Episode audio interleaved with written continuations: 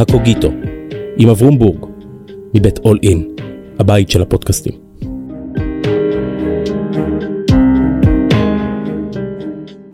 שלום, כאן אברום בורג, ברוכים השבים וברוכות הבאות לקוגיטו, אל ספריית הטקסטים של הישראלים, והיום עם דוקטור חזי עמיאור. שלום חזי. שלום אברום. בחרת בביאליק או בביאליק? ביאליק זה לא בעברית. כן, אז בביאליק. אה, שאני לא יודע אם זאת בחירה טבעית או מוזרה. אה, עבורי היא בחירה טבעית, אה, לא כל החיים. הרגשתי משיכה לביאליק האיש ולמה שהוא כתב, אבל במשך השנים, כן, אני בהחלט חי עם זה בשלום, אין לי עם זה שום בעיה. אני חושב ש... אני נפגש עם ביאליק הרבה במסגרת העבודה שלי וגם מחוץ לעבודה. אני חושב שהוא uh, אישיות uh, ממגנטת. האיש וקורותיו או הכתיבה? האישיות שלו, האישיות שלו, mm-hmm. הכתיבה שלו, אני מתייחס, אני מסתכל על העולם כמו היסטוריון, לא כמו איש ספרות. ואני uh, רואה את הכתיבה של ביאליק כ...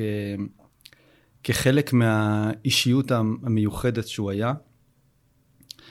אה, דרכה אפשר להבין אותו, אפשר להבין את זמנו, אפשר להכיר אחרי זמנו. ואני, אה, יש מומחים גדולים ממני, הרבה מומחים גדולים בהרבה ממני לביאליק. אה, אני לא בא לגלות פנים חדשות בביאליק, זה לא, לא ככה, אני, אני היום פשוט... אנחנו באים מאהבה. היום אנחנו באים מאהבה.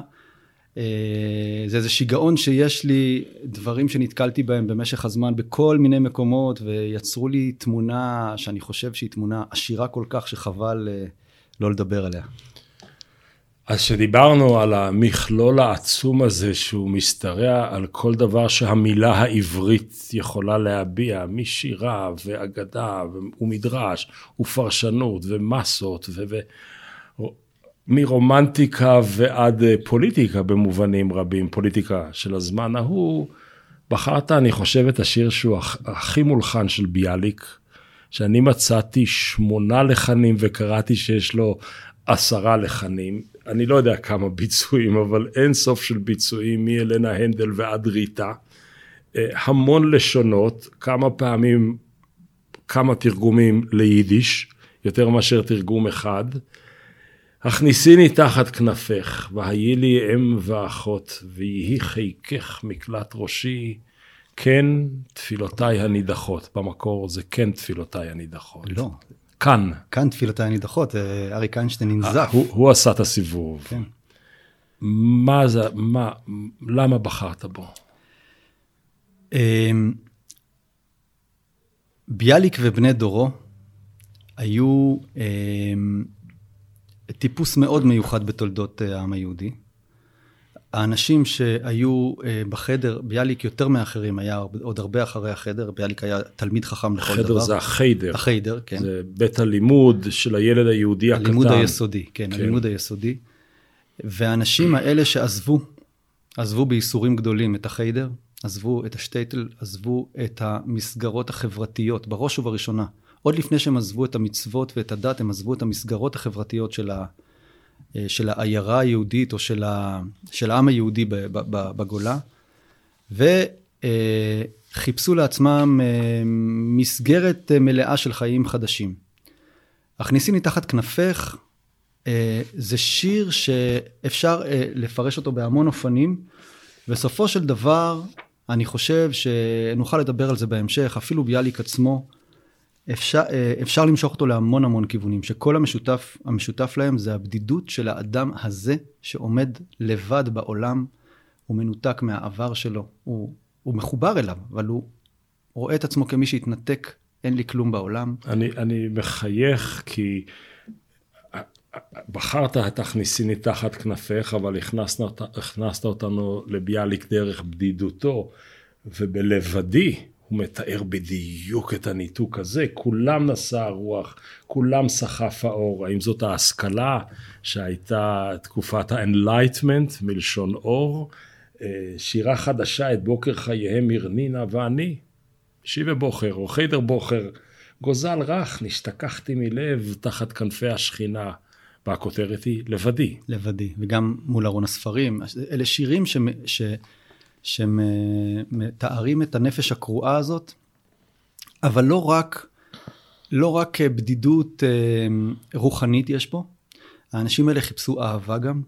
השיר הזה מספר על החיפוש אחרי אהבה. אהבה שהיא גם אהבה של תחליף לאהבת המשפחה שאותה הם בעצם עזבו, וגם אהבת אישה. אה, וזה עולם שבו אתה בודד ואתה כמה לאהבה. וזה דבר שקיים גם היום, אין ספק שהשיר הזה חיוני כבר 125 שנה כמעט, בגלל, ש... 120 שנה כמעט, מאחר שהוא נוגע בשורש הבעיות של הקיום האנושי. שמת כאן כל כך הרבה דברים על השולחן, ובוא נפריד קצת חיטין, שעורים. כן. אמ, על אהבה נגיע, כמו ביאליק ואהבותיו, זה חוט שני או, או אבן, זה, זה ממש חד, זה השתי של האריג שלו. הוא מופיע בכל כך הרבה צורות, בכל כך הרבה שירים, בין אם זה באירוטיקה, בין אם זאת שירי, שירה אירוטית, בין אם אלה אמירות ישירות, בין אם עקיפות. ובצד השני, תהומות עצומים של המיואש שלא מצליח למצוא את האהבה. אומרים אהבה יש בעולם. מה זאת אהבה? זה נהיה כותרת של ספרים, זה זיווה שמיר, זה נהיה... שירים, כן, סיפורים. אספתי את הדברים האלה, יש כל כך הרבה... שנובעים, כלומר, הוא מבוע בהקשר הזה. ואתה שואל אל מי הוא פונה כשהוא כותב שיר כזה, הוא שיר שרק לרגע את מדרש השיר, הוא שורה כזו, שורה כזו. זאת אומרת, תכניסיני תחת כנפך, זאת האישה. וההיא לי אם ואחות זה כבר אפלטוני, כי אין לך יחסים אירוטיים עם ההיא שאתה תחת כנפיה. והיא חיקך מקלט ראשי, אני רוצה להניח את ראשי על החזה שלך. כן, תפילותיי הנידחות זה הסידור עם הפיוט של ייני, או, ש... או... או שורה אמונית, שורה אירוטית, שורה אמונית, שורה אירוטית. מעניין, כן, כן. אני חושב שבאמת זה מייצג את ה... את ה... השיר הזה מרחף בחלל, זאת אומרת, הוא יכול לפנות לכל כך הרבה כיוונים, הנפש הולכת לכל, לכל כך הרבה כיוונים, אתה צודק, גם אהבת אה, גוף, אהבה אירוטית, גם אה, כמיהה לאהבה במובן הכי בסיסי שלה, ש, הכי בסיסי שלה, פשוט אהבה של, של בני אדם, שלא להיות בודד. ו, וניסיתי להגיד, אה, אתה אומר שערמתי, ניסיתי ל, ל, ל, להסביר לך למה הטקסט הזה מדבר אליי כל כך הרבה, ואתה יודע מה? למה הוא משך אליו כל כך הרבה מלחינים כל כך מוצלחים? האמת היא שהלחן הראשון, שהוא הכי חשוב גם, הזכרת את ריטה ואת אה, נחמה הנדל, זה, זה הלחן המקורי. אה, הוא, אני חושב שלא יודעים מי, מי הלחין אותו. הכניסיני תחת כנף. זאת תפילה, זאת תפילה, זאת זעקה. זה דבנן. זה, כן. זה זעקה ממש. וי חיקך, ריטה עולה לגבהים אדירים. אה, אחריו באו מלחינים נפלאים אחרים, נורית הירש ו... ומיקי גבריאלוב. ש... אבל אני חושב שהלחן שה... הראשון הוא הלחן הכי... הוא הלחן שעשה את השיר הזה למשהו. הוא הלחן ש... ש... הוא הלחן ש... הכניסיני זה שיר שלקח אנשים והניע אותם על פני עשרות אלפי קילומטרים. השיר הזה. אנשים רכבו על גבי השיר הזה, עברו מייבש... מייבשת ליבשת, או לארץ ישראל, או לאמריקה, זה לא משנה. עזבו את השטטל ו, ונהרו למר, למרחקים. אה, אנשים עזבו את ביתם, את אה, דתם, את, את כל הסביבה שלהם, ועל כנפי השיר הזה הלכו לחפש לעצמם משהו אחר. אני, אני אוכל להדגים את זה עוד מעט בכמה בבקשה. דוגמאות. כן, תעשה.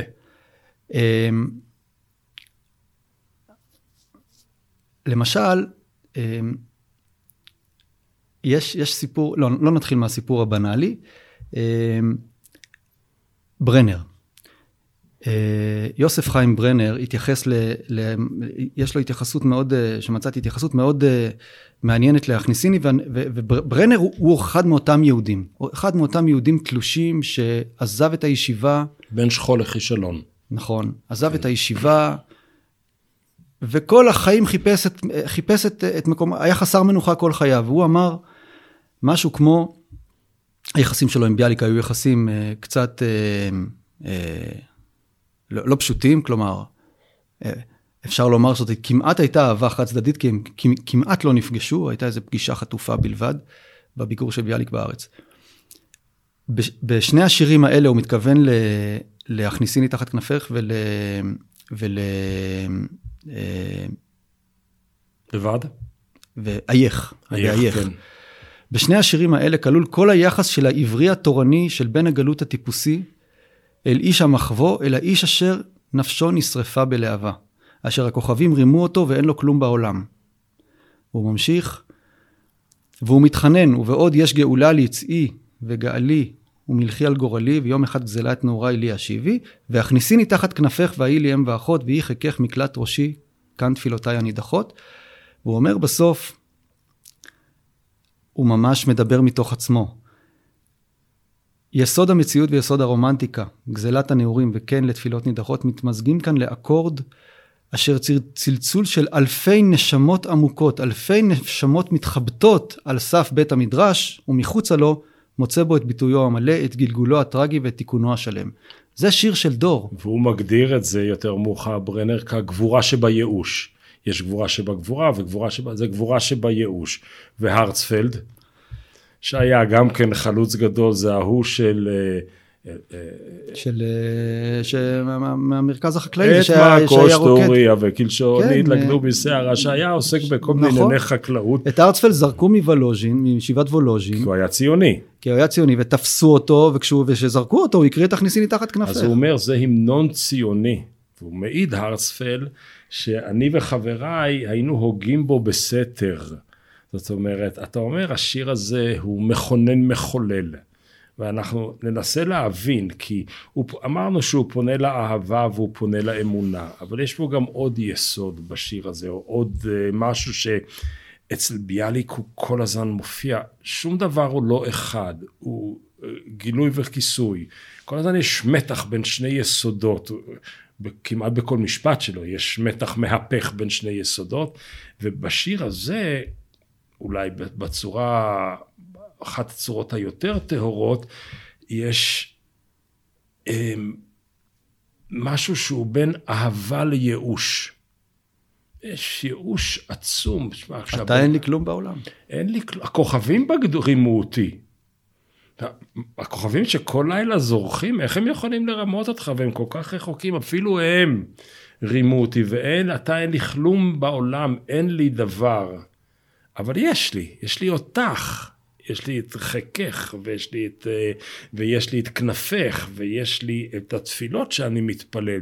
דבר קצת על הדואליות הביאליקית הזו, שהיא בכל מקום מופיעה, גם במאמרים שלו, גם במסות שלו. שהם עבודת אומנות בפני עצמה. כן, אני חושב שהתרומה הגדולה של ביאליק לכינון, ה... לעיצוב התרבות הישראלית, לעיצוב, אה, אני חושב, של החילוניות הישראלית, היא שביאליק מציב את הקיום היהודי בעולם המודרני כ, כ, כחומר חי, כחומר רוטט כל הזמן. זאת אומרת, אי אפשר להיות במקום.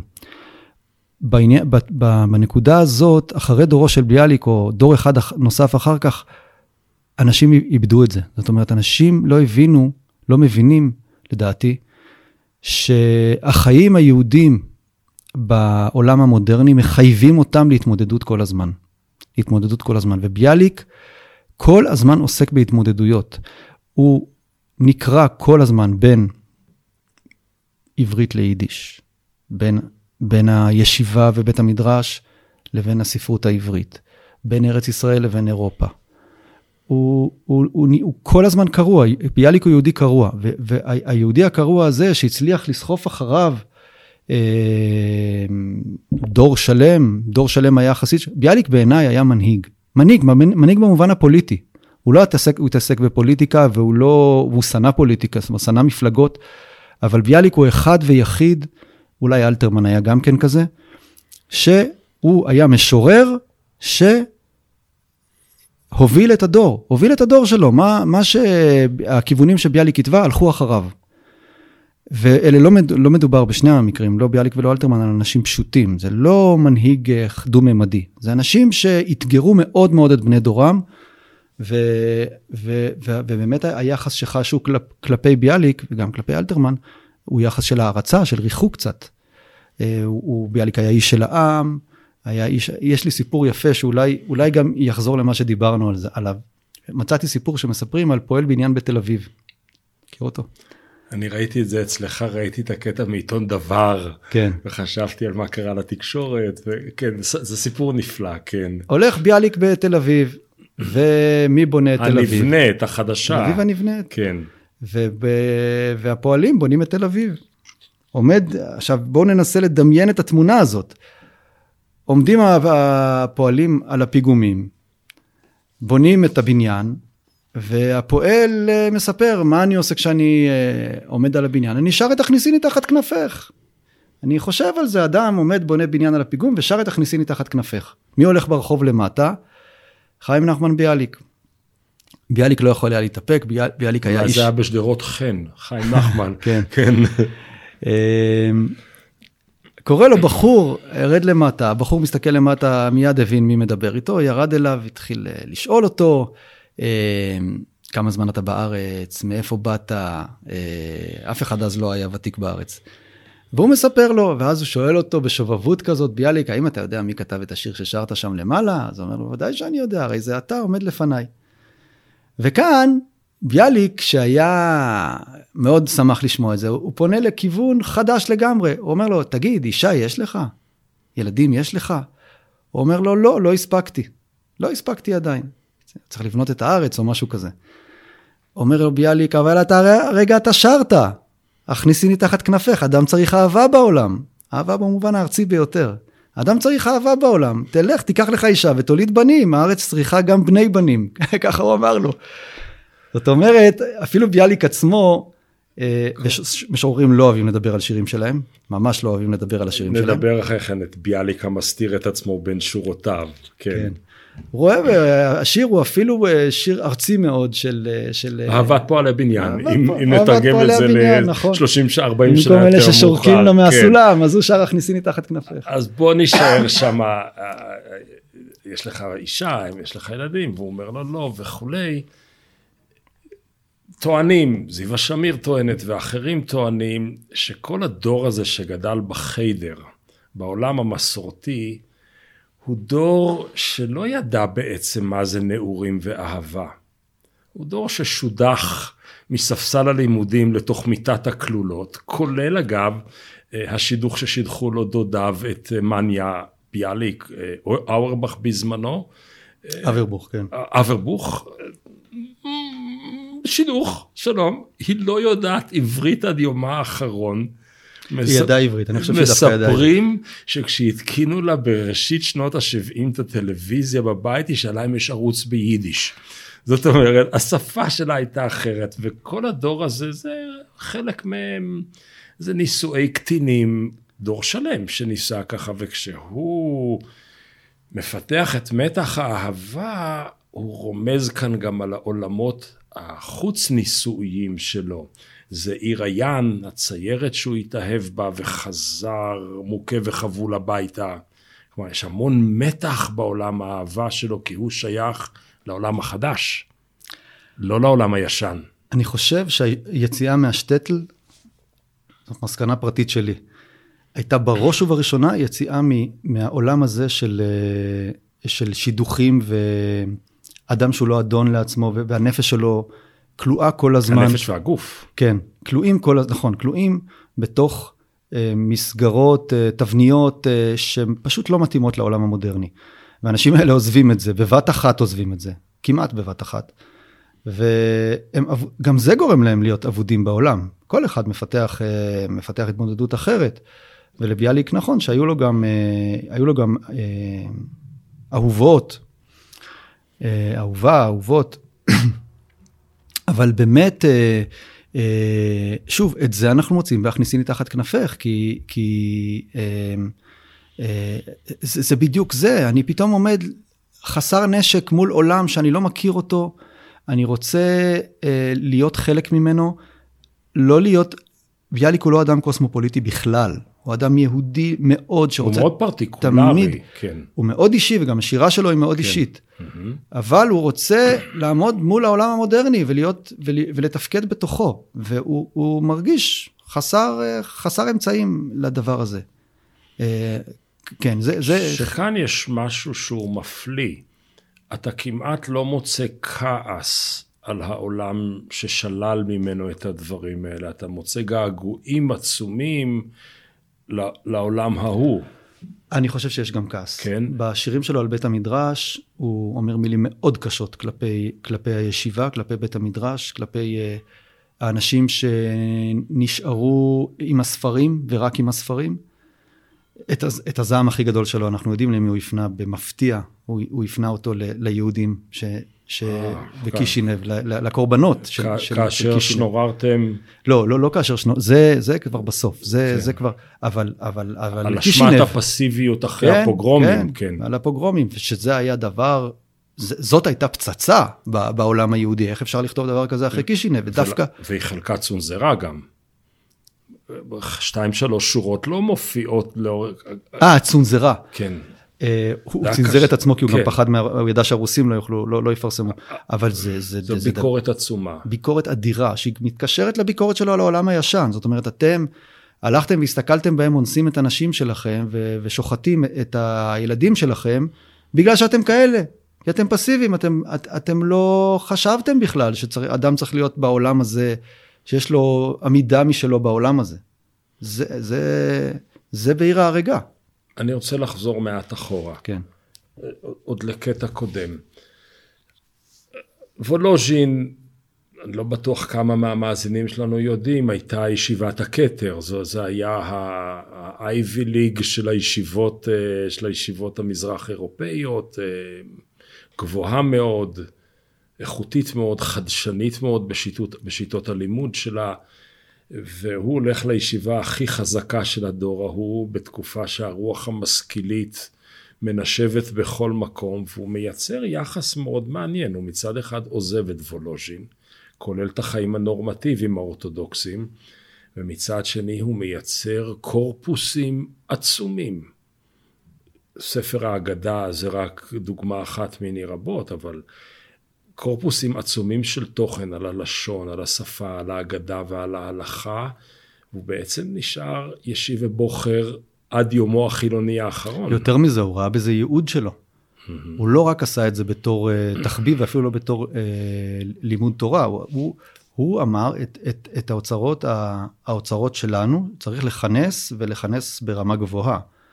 ואם זה ההגדה, ואם זה הפיוט, והוא עשה כינוסים, היו לו גם תוכניות לכינוסים, אה, פירוש למשנה שהוא התחיל לכתוב. הוא, הוא, הוא באמת שלח ידו כמעט בכל, ה, מה שנקרא, בכל מקצועות ה, היהדות, אה, מתוך אה, תחושת שליחות אדירה, שמה שקורה בישיבות קורה בישיבות, אבל העם זקוק לקנקנים חדשים, נדמה לי שזה ביטוי שלו, קנקנים חדשים ל, ל, לאוצרות שלו, כי אחר כך הכל ילך לאיבוד, גם בזה אני אומר, אנחנו חייבים היום לקחת בחשבון שזאת שליחות שקיימת גם היום, זאת אומרת, אה, היהדות של ביאליק, היהדות החילונית של ביאליק, ביאליק היא יהדות שמאוד מאוד מאוד שואבת מתוך האוצרות המסורתיים של, של, של העם היהודי. זאת אומרת, המחשבה שלו, יש מאבקי השבת שלו, למשל בתל אביב. הרעיון שה... רק להסביר, מאבקי השבת זה לא לסגור את רחוב ביאליק בתל אביב, אלא לחולל שבת תרבות שבה קורים בין השאר דברים גבוהים ורוחניים. נכון, מאוד- שאוי לה- אוי לה לתל אביב אם השבת שלה תעבור ככה סתם. שזה מאוד דומה למה שמנסים לסגור היום בתוכניות ממשלתיות מסוימות, כן.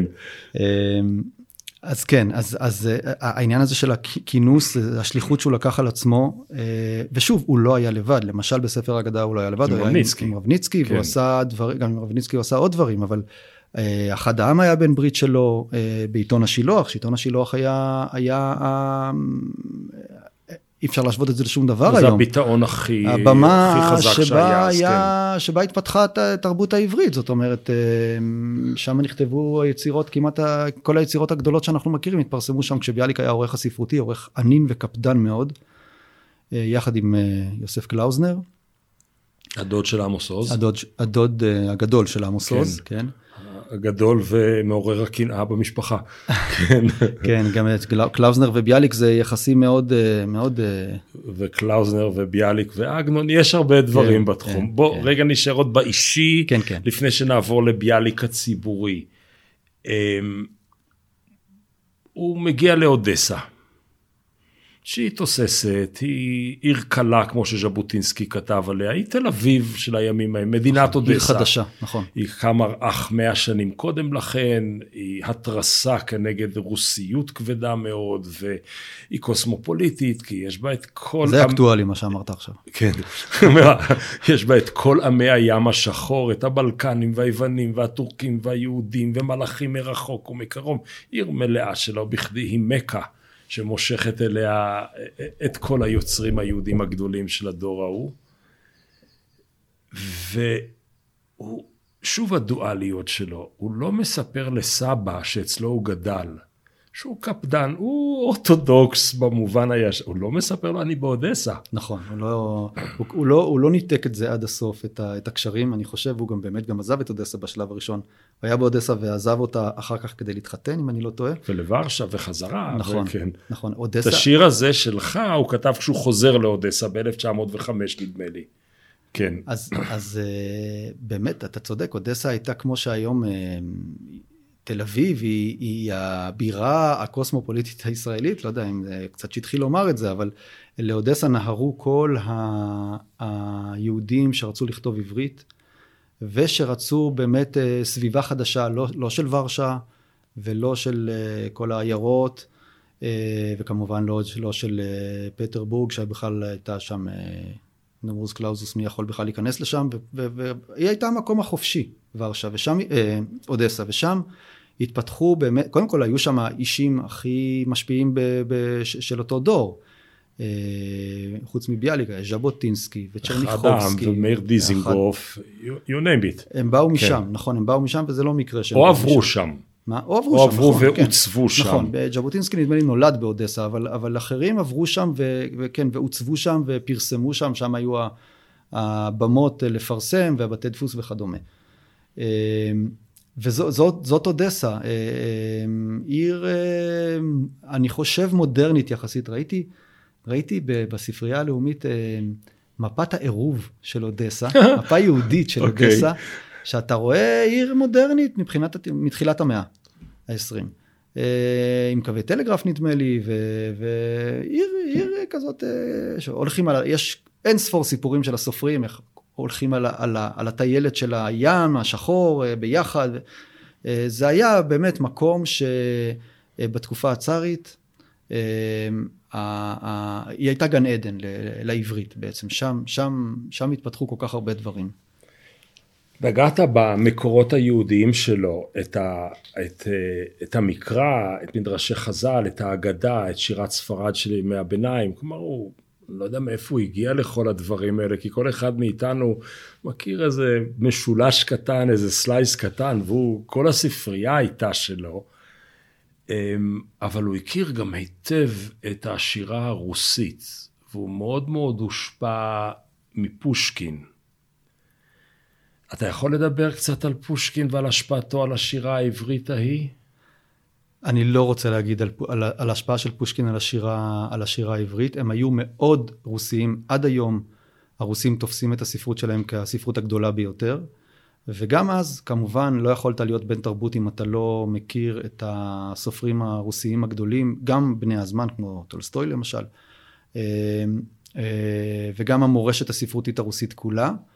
אה, היו קשרים, היו הרבה קשרים בין, בין אותו, אותה קהילה ספרותית עברית לבין הקהילה הספרותית אה, הרוסית. הזכרתי, הזכרתי את טולסטוי, אבל גם אה, יש, אה, יש, יש עוד קשרים, ויש גם מאמץ גדול לתרגם לרוסית את היצירה העברית. ז'בוטינסקי תרגם את ביאליק לרוסית, זה אחד השירותים הגדולים ביותר שהוא עשה לו, וביאליק לא יכול היה שלא... לא יכול היה לסלוח לו על הטובה הזאת שהוא עשה לו. להוקיר לו, כן. הוקיר לו רעה. כן. ביאליק אה, אומר, אני אוהב אני מאוד את פושקין, ואוהב אני את צ'רניחובסקי, מפני שיש בו הרבה משל פושקין. צ'רניחובסקי היה בשבילם הרוסי, האולטימטיבי. ובשבילי הוא העברי האולטימטיבי. אני אומר, איך אדם, אפרופו צ'רניחובסקי, בגיל 17, כותב את אה, שחקי שחקי, אני מאמין. איך זה יכול להיות? אתה צודק, אתה צודק. צ'רניחובסקי הוא תופעה ששווה שיחה אחרת, כן. זו תופעה באמת אקזמפלר, הוא לא שייך לאף... העומק וההיקף. עומק, היקף. כן. אה, והוא בכלל רופא, הוא בכלל לא עובד כמותם במילים. כן, והוא לא כן. מתערבב כמו כולם בתוך הקהילה הספרותית ותמיד מחפש פרנסה והכל. יש משהו מאוד יפה. מצאתי את המכתב הזה בכתב יד בספרייה הלאומית, שביאליק נכנס לעריכת השילוח והוא כותב מכתב לקלאוזנר. והם שניהם האורחים של החלק הספרותי. והם אה, מחווים דעתם על אלה ששלחו את החומר למוסף הספרותי. ואז ביאליק מחלק ציונים מאוד, הרבה פעמים מאוד מאוד עוקצניים להרבה מאוד אנשים. אני חושב שהמכתב הוא מ-1903. כלומר, ביאליק היה בן 30, צ'רניחובסקי צעיר ממנו בשנתיים. נדמה לי שזה 1903. אז הוא התחיל, אוקיי. ביאליק, ביאליק התחיל את, את השילוח. וכותב, אה, ביאליק כותב לקלאוזנר ככה, אמור נא למזיק זה לצ'רניחובסקי, מזיק במרכאות, כן. לצ'רניחובסקי, שמזיק הוא. אני זוכר את זה, אני, אני לא בטוח שאני מדייק, אבל תאמר לו שמזיק הוא. יום יבוא, ואכוף אני את קרחתי העלובה, וארכין את ראשי, ואשים את כתר השירה העברית על בלוריתו, ואקרא יחי המלך. וואו. זה קודם כל לכל מי שמדבר על יריבות, ביאליק שרניחובסקי והכל. וואו. זה, זה, ת, ת, תראה איזה יופי גם. כמה חן יש בזה, הבלורית של זה מול הקרחת של זה. הוא, הוא המלך, הוא... ביאליק הכיר בערך עצמו, והוא, זה קצת, קצת משהו קטן על צ'רניחובסקי, שהוא באמת היום מבנים, מבנים רבים היפוכו של ביאליק, איש, כמו שאמרת, רוסי, אה, מאוד אה, תרבות העולם. ביאליק תמיד תמיד, גם כשהוא הלך לדון קיחוטה וזה, הוא תמיד היה בדלת אמות של היהדות. תכף נגיע לזה, אבל אני לא סתם העליתי את פושקין, אני יום אחד צריך להגיע אליו, זאת אומרת, אי אפשר להבין את כל הדור ההוא שעבר את, ה, את המגרסה של תחום המושב, כן. והשפה והספרות הרוסית האדירה בלי פושקין, אי אפשר להבין את זה.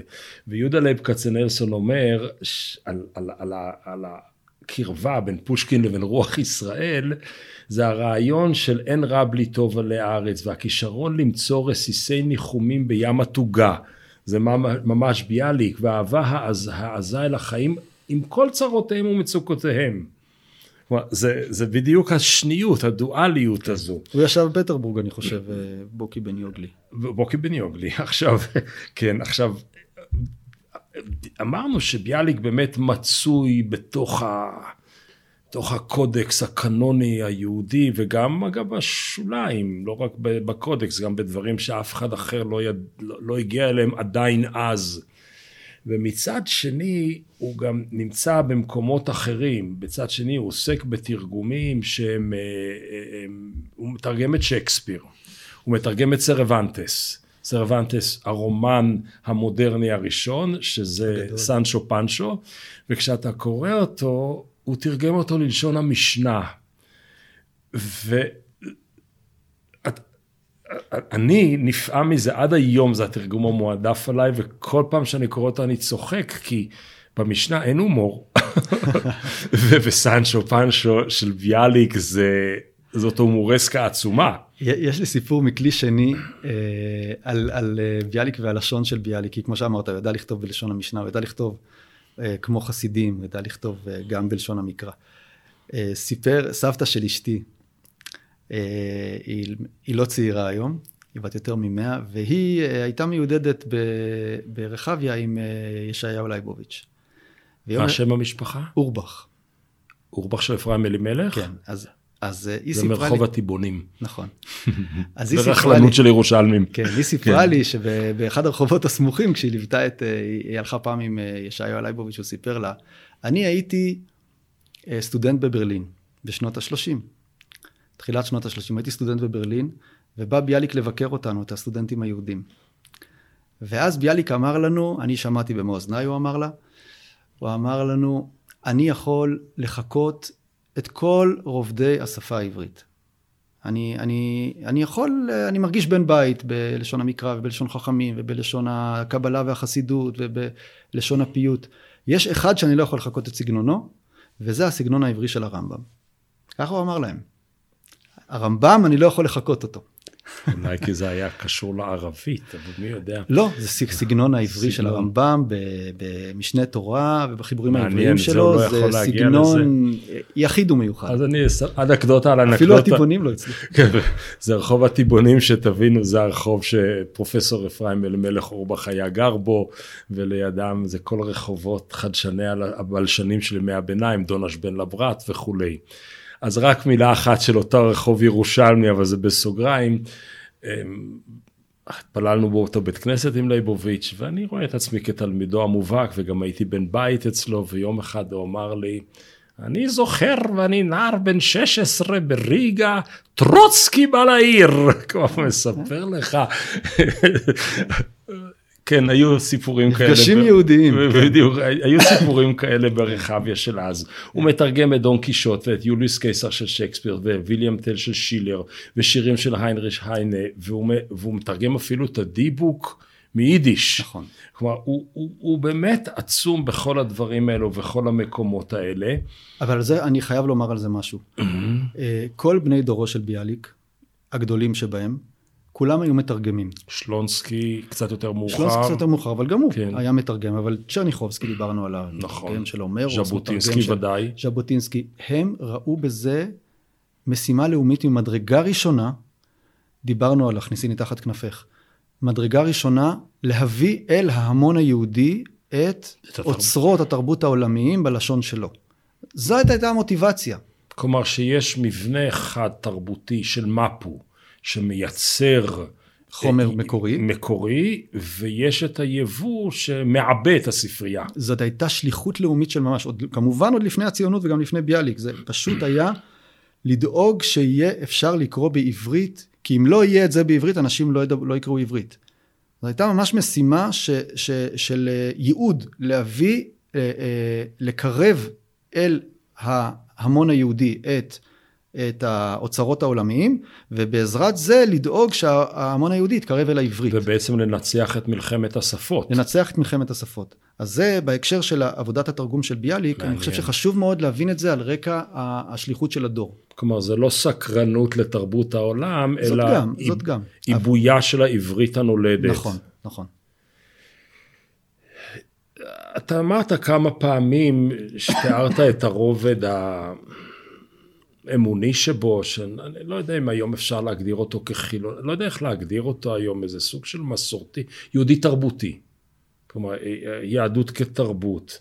הוא עושה כל הזמן הפרדות בין אמונות דתיות לבין המשכיות התרבות היהודית. ויכול להיות שהאתגר הכי גדול, הוא מציב, הוא מציב אתגר גם לדתי המודרני וגם לחילוני המודרני. נכון, נכון מאוד. תמפה רגע את האתגר הביאליקי של דורנו. תראה, שום דבר בקיום שלנו היום, במאה ה-21 בישראל, לא, הוא לא טבעי. לאמור? לאמור, יהודי, עצם קיומה של המדינה הוא לא דבר טבעי. מדינה יהודית היא שונה במאפיינים שלה אה, מכל מדינה אחרת, אבל זה כבר עניין של פוליטיקה. אבל הקיום שלנו כמי ש... לא, היא גם שונה מההיסטוריה היהודית. נכון. נכון. שזה לא פוליטיקה, זה כבר אקזיסטנציה. גם, גם. כן. אבל במובן של אה, החיים על הרצף היהודי במשך אה, כל, ה, כל הדורות, כל האלפי השנים. אה, ביאליק, ו... ביאליק הבין, שוב, זה ביאליק אבל גם אחרים, אחד העם למשל, הם הבינו שזה לא ילך לשבור את הכלי הישן ו... ולחיות מחדש בכלי חדש. והם היו מאוד קנאים לדברים שהיום אנחנו, אה, אנשים רומסים אותם בעקביהם. זאת אומרת, אה, אה, עניין הפרהסיה היה מאוד חשוב להם, גם בגלל שהם היו פולנים כאלה, אבל, אבל גם בגלל שהם הבינו שזה מאוד מאוד חשוב איך דברים נראים, ועד כמה זה משפיע על הנפש של יהודים שנמצאים, עם שלם שנמצא בתהליך של טרנספור, טרנספורמציה, עובר מארץ לארץ, עובר פוגרומים ושואה, ועובר גלויות, ו... בונה את הארץ ופתאום מאמץ את העברית. זה, זה עם שהיה במשך אה, מאה שנה, או קצת פחות אפילו מאה שנה, במערבולות, אין ספור מערבולות, ואתה חייב לשמור על עוגן. אתה חייב לשמור על העוגן כמה שאתה החלטת וגמרת בדעתך שאתה עוזב את מה שהיה. אתה עוזב את השטטלה, אתה עוזב את הדת, אתה עוזב את, ה, את אותן מסגרות חברתיות כובלות ש, ש, ש, שה, שהעם היהודי במזרח אירופה חי עליהן. ו, ו, ואני חושב שככה חייבים לקרוא את היצירה שלהם. יש את הסיפור המצחיק והידוע על ביאליק ועגנון עם הסיגריה בשבת, שעגנון בא אליו בשבת אליו הביתה ופתאום ביאליק מדליק סיגריה. אז עגנון עוזב בכעס את הבית, גם עגנון היו לו תקופות לא דתיות, אבל עגנון עוזב בכעס את הבית שלו ויוצא החוצה לרחוב וביאליק רודף אחריו ואומר לו מה אתה רוצה אני רק בתוך הבית עישנתי לא בחוץ. אה, אבל אתה צודק. העניין הזה, אה, ואותו הסיפור של עונג שבת של, אה, של ביאליק בתל אביב, וכמה שהוא נלחם על השבת, יעשה הקניין הרוחני שלנו, הסמל שלנו, ובלי זה לא יהיה לנו שום, הוא אמר, הוא אמר לאנשים, בלי השבת לא יהיה לנו שום דבר. אמונות שהיום נראות קצת אנכרוניסטיות. אה, הדתיים מצד אחד מתקשים לקבל את זה שיש קיום לכתחילה של שבת לא דתית. שבת תרבותית. שבת תרבותית. החילונים עוד יותר מהדתיים לא מוכנים בכלל לקבל, אה, לא כל החילונים, אבל זה די מקובל שהשבת היא, איך אומרים, היום, היום השבת היא לא יום מנוחה אפילו, היא, היא יום של, אה, של, של חופש, של קניות, ש... זה דברים שלעניות דעתי, אם יורשה לי קצת להגיד מה היה אילו, היו מזעזעים את, אה, את ביאליק ואת דיזנגוף ואת ותיקי תל אביב, שהשבת יהיה היום שבו יוצאים לקניות. ואני חושש מאוד, מאוד, שכשהקול הזה נחלש, אז אנחנו בבעיה. בבעיה, לא, לא בעיה, אני לא סתם אומר, אני חושב שבראייה היסטורית של הקיום היהודי, אה, הוכח שאין קיום יהודי רק במסורת, ואנחנו עלולים להיווכח שגם אין קיום יהודי בלי המסורת. וזה הקול שלדעתי, גם מכניסים תחת כנפי חומר. זה הקול שלדעתי ביאליק ביקש לייצג שוב, ביאליק אחריו רבבות, רבבות נהו אחריו, אחרי, אחרי הרעיונות האלה. בלוויה שלו היו מאה אלף איש. כן, זה... זה... שזה לא יודע מה, רבע מהיישוב, לא יודע כמה זה היה. אתה רוצה לשמוע משהו על, על ביאליק של היום? Mm-hmm. אפיזודה שנתקלתי בה במקרה. לפני עשר שנים בערך הייתה תוכנית לבנות את uh, בית ראש הממשלה משולב במשרד ראש הממשלה באזור משרד החוץ בירושלים. Mm-hmm. זה, אני חושב שזה ירד מהפרק, אני לא יודע איפה זה עומד אל היום. אל תדאג, זה יעלה מחדש. טוב. כן. אה, לא, זה היה לפני 20 שנה, זה היה אוקיי. בתחילת שנות האלפיים. ולקחו משרד אדריכלים, ופורסמה הסקיצה ראשונה למבנה הזה. והמבנה הזה, שהוא היה נועד להיות גם המקום שראש הממשלה עובד בו, וגם שהוא חי בו, וגם הוא מקבל בו אורחים, וראיתי שהאדריכל, כרמי נדמה לי, נדמה לי, אני לא בטוח, הציע שעל החזית למעלה יהיה כתוב שלוש מילים, מכניסיני תחת כנפך. כלומר, מי שייכנס למשרד ראש הממשלה של ישראל, יהיה, יהיה כתוב הכניסיני תחת כנפך, שזה, אתה, יודע מה, קשה לי לשחזר מאיפה זה בא. עד כדי כך, זאת אומרת, אני יכול להבין uh, שהשיר הזה באמת שקוע עמוק בלבבות, אבל ככה, שראש הממשלה... אז אני אשאר שם עוד רק שנייה, באזור של ה... איך אמרת, אין קיום יהודי ללא המסורת ואין קיום יהודי רק עם המסורת. זה, היה לך איזו כן. התנסחות כזו. יש היום באיזשהו מקום בישראליות אה, יהדות תרבותית ביאליקית? חוץ מסימני נפט, איזה זרם אמיתי, שהיית אומר זה זרם ביאליקי? אני חושב שלא, ואני חושב שבסוף ימיו ביאליק כבר הרגיש שזה לא קיים. ובטח אחריו. אחריו זה כבר, בכלל, מה שהיה לפני השואה ומה שהיה אחרי השואה זה משהו אחר. אה, זה עול אדיר, זה עול שקשה מאוד לשאת אותו, אה, עול כזה, של, אה, של, תקרא לזה לפסוח לשתי הסעיפים, אני אומר הפוך, זה לחיות בשני העולמות, מלכתחילה, לא בדיעבד. אני לא חושב, אני לא חושב. אני לא מוצא ברוח הפלמ"ח את הדבר הזה. למרות שהיו להם בתרמילים את, ה, את הספרים ואת ה... אני חושב שלא, אבל אני אומר את זה מאוד בזהירות. זאת אומרת, אני חושב ש...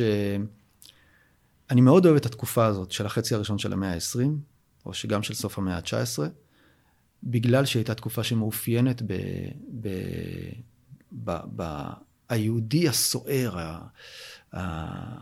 החוסר ביטחון הזה, ש... שמשולב יחד עם, עם השכלה ועם אה, אנשים שרק רצו כל הזמן לדעת ורק רצו כל הזמן להבין פשר ומשמעות והכל. אני חושב שזה קצת הלך לאיבוד, זה היה נורא תלוי גם בגולה. ברגע שהתחסלה הגולה... יבש המעיין. אני חושב, אני, אני חושב. בכל יוצרי הדור הזה, היחיד שאני מתייחס ליצירתו. האישיות היא קלה לי, כי אנחנו מכירים יחד מירושלים שלי מילדותנו ואני אוהב אותו באופן אישי, אבל שהיצירה שלו היא יצירה סינתטית, זה חיים באר. סינתטית במובן שהוא עושה סינתזות, לא במובן שהיא חיים באר, רדודה. חיים באר הוא יהודי ביאליקאי, כן, זה, זה נכון. שם אני כתב מרגיש, על ביאליק, נכון, הוא מעריץ של ביאליק. אהבתם, שנאתם, כן. כן. אז שם אני מרגיש שיש מישהו שיושב היטב בערוגה התל אביבית, וכל מדף הספרים היהודי פתוח בפניו. יסלח לי חיים באר, אני בטוח שהוא יסלח לי. אם אני אומר שאני באמת חושב שהוא גם יהודי שנמצא בקונפליקט מתמיד. לגמרי. אני חושב שהוא שמה, חי את הקונפליקט הזה. שם היצירה. כן. אז כן. אני אשאל את השאלה מהצד השני שלה ונתקרב אה, לתפילת הנעילה. נגיד שיש היום עולם שלם של חרדים שגדלו בחדר ונשללה מהם הגופניות כפי שתיארנו קודם. וסגרו בפניהם את התריסים ואת החלונות מפני האור הנכנס וחדש היה אסור להם מן התורה והם עברו עולם. הם עברו לעולמות אחרים, אני לא רוצה להגיד עולם שכולו טוב, אבל לעולם שהוא אחר לגמרי. האם ייתכן ששמה, בחרדים שעזבו את העולם החרדי, משתמר המתח הזה ואולי משם תיוולד יצירה כזו לדור הבא? זהו, אני חושב שזה אני אומר דבר מאוד אה, חמור ואולי הוא אפילו מסוכן לומר אותו. יכול להיות שזה דבר שמחזיק מעמד רק דור אחד. זאת אומרת, כשאתה יוצא, כשאתה יוצא עם כל המטען השלילי והחיובי של בית המדרש, כלומר שלילי מאחר שאתה רוצה לעשות הכל כדי לצאת משם, והחיובי מאחר שאתה... שאתה שזה הגרסא דיינקותא שלך. כן, אמ, כנראה קשה לך למצוא את המקום בעולם, כנראה. ואישית, נתקלתי בטיפוסים כאלה שמגיעים לעוצמות רוחניות אה, גבוהות מאוד. אמ, שוב, לא רק ביאליק, הרבה כאלה שכתבו, ואתה יכול לזהות ביצירתם. אה, אני מאוד אוהב אה, את שירי הזמר שכולנו, שכולנו בעצם, בעצם כולנו יודעים אותם בעל פה. שירי, שירי זמר, אני חושב ששירי... שירי זמר של ביאליק או בכלל? לא, שירי זמר בכלל. כן. ואני חושב ששירים ששורדים, הרבה פעמים שירים ששורדים, זה תלוי גם בלחן ובהכל, אבל זה בגלל שהתוכן שלהם עושה משהו לאנשים, ואתה מוצא שאותם יוצאי השטטל, בין אם זה אנשי דור התחייה, וגם הדורות שאחריהם, כל פעם יצא מישהו אחר מהשטטל, ואפילו יהודה עמיחי, הוא לא יצא מהשטטל, אבל הוא יצא מהחינוך הדתי נגיד. Mm-hmm. אתה מוצא בתוך הכתיבה שלהם את המשקעים האלה, או מהתפילה, או מהתנ"ך, או אצל המתקדמים יותר, כמו ביאליק למשל, מהמדרש ומהחסידות, או מ... מ... אה, כל דור יש לנו אספקה חדשה כזאת. אה, אוי ואבוי לנו, אוי ואבוי לנו כשזה ייפסק, ואוי ואבוי לנו כשנפסיק לקבל פה עולים חדשים, כי הישראלים הם, הם דור נכה לדעתי. אני. אני צבר, הצברים הם דור נכה. ככה אני חושב. ו... אתה בעצם אומר שאנחנו צריכים את החרדים כדי שיבואו מהם החילונים הבאים. אני, תראה, גם, גם כשהם נשארים חרדים יכולים לצאת מהם דברים טובים, אבל, כן. אה, אבל, אבל אני חושב שזה לא כזה פשוט לבנות, אה, לבנות אה, תרבות ישראלית, זה לא דבר שעושים אותו ב-50 שנה וגם לא ב-100 שנה. אני אגיד לך עכשיו, כשאתה אומר את הדברים בדרך הרכה, אבל המאוד כאובה, אני פתאום אוהב מחדש את הוריי. כלומר, לא שמעולם פסקתי. בין כיתה ב' לכיתה ח', פעמיים או שלוש בשבוע שלחו אותי לחיידר. עכשיו, אני השתגעתי. כלומר, זה, זה, זה הוציא אותי מדעתי, וחשבתי שהמון שעות ילדות הלכו לאיבוד, והיום כשאני, כשאני מקשיב לזה דרך האפרכסת שאתה הנחת כאן, אני אומר, וואו, הם אולי נתנו לי אפשרות לחיות שני עולמות בבת אחת, אולי שלושה עולמות. את העולם שחרב והם התגעגעו אליו, את העולם את העולמות הישראלים הקיימים היום, שהם יותר מעולם אחד? תראה, החינוך היהודי העתיק הוא חינוך יהודי עם קבלות. זה, זה, כנראה רובנו החלטנו שהוא לא בשבילנו, הורינו וסבינו וכדומה. שהוא לא אבל, לא מתאים לצורת מדינה. שהוא לא מתאים לחיים מודרניים. שהוא לא כן. לא חי לחיים. מתאים לחיים מודרניים. אפילו לפני מדינה, זה קרה לפני מדינת ישראל, התופעות האלה.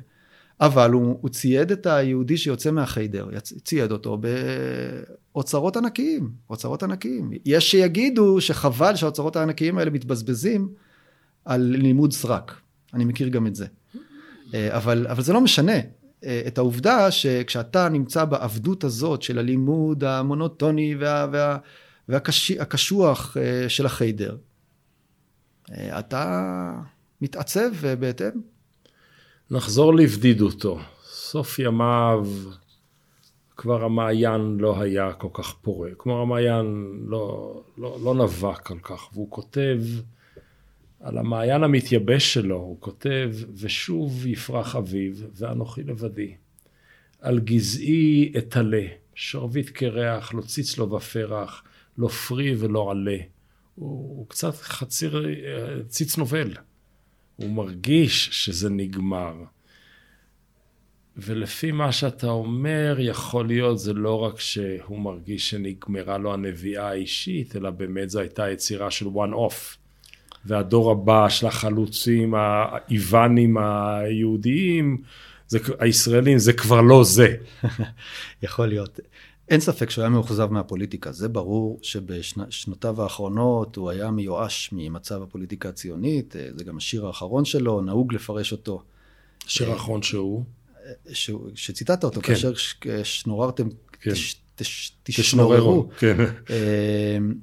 אה, הוא היה, הוא היה, אה, בזה הוא היה מיואש. אני לא מרגיש שאני יכול להיכנס לנעליו ולומר ממה הוא היה מיואש, זה תמיד מורכב מהרבה דברים. צריך לזכור שבאותם שנים שהוא כתב הרבה פחות שירים, הוא עשה הרבה מאוד דברים אחרים, והוא היה גם אה, טרוד בענייני ציבור, הוא היה איש ציבור בסופו של דבר. הוא כתב, כתב לנו את המאמרים המצוינים, באמת מרוממי נפש שלו. ו... וגם הייתה לו ביקורת, ביקורת חברתית ותרבותית על, ה, על מה שקורה ביישוב, על, על, על ה...